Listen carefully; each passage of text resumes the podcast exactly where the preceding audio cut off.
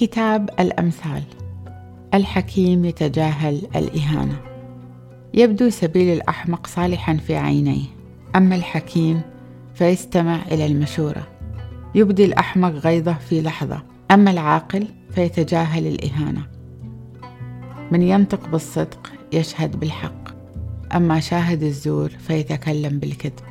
رب مهذار تنفذ كلماته كطعنات السيف. وفي أقوال فم الحكماء شفاء. أقوال الشفاه الصادقة تدوم إلى الأبد. أما أكاذيب لسان الزور فتفتضح في لحظة. يكمن الغش في قلوب مدبري الشر.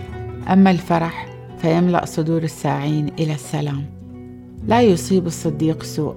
أما الأشرار فيحيق بهم الأذى.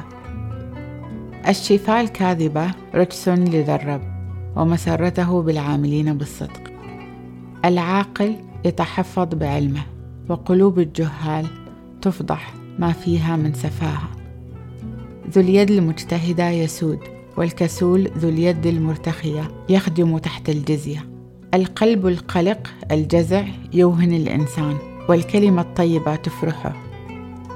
الصديق يهدي صاحبه أما طريق الأشرار فتضله المتقاعس لا يحظى بصيد وأثمن ما لدى الإنسان هو اجتهاده. سبيل البر يفضي إلى الحياة وفي طريقه خلود.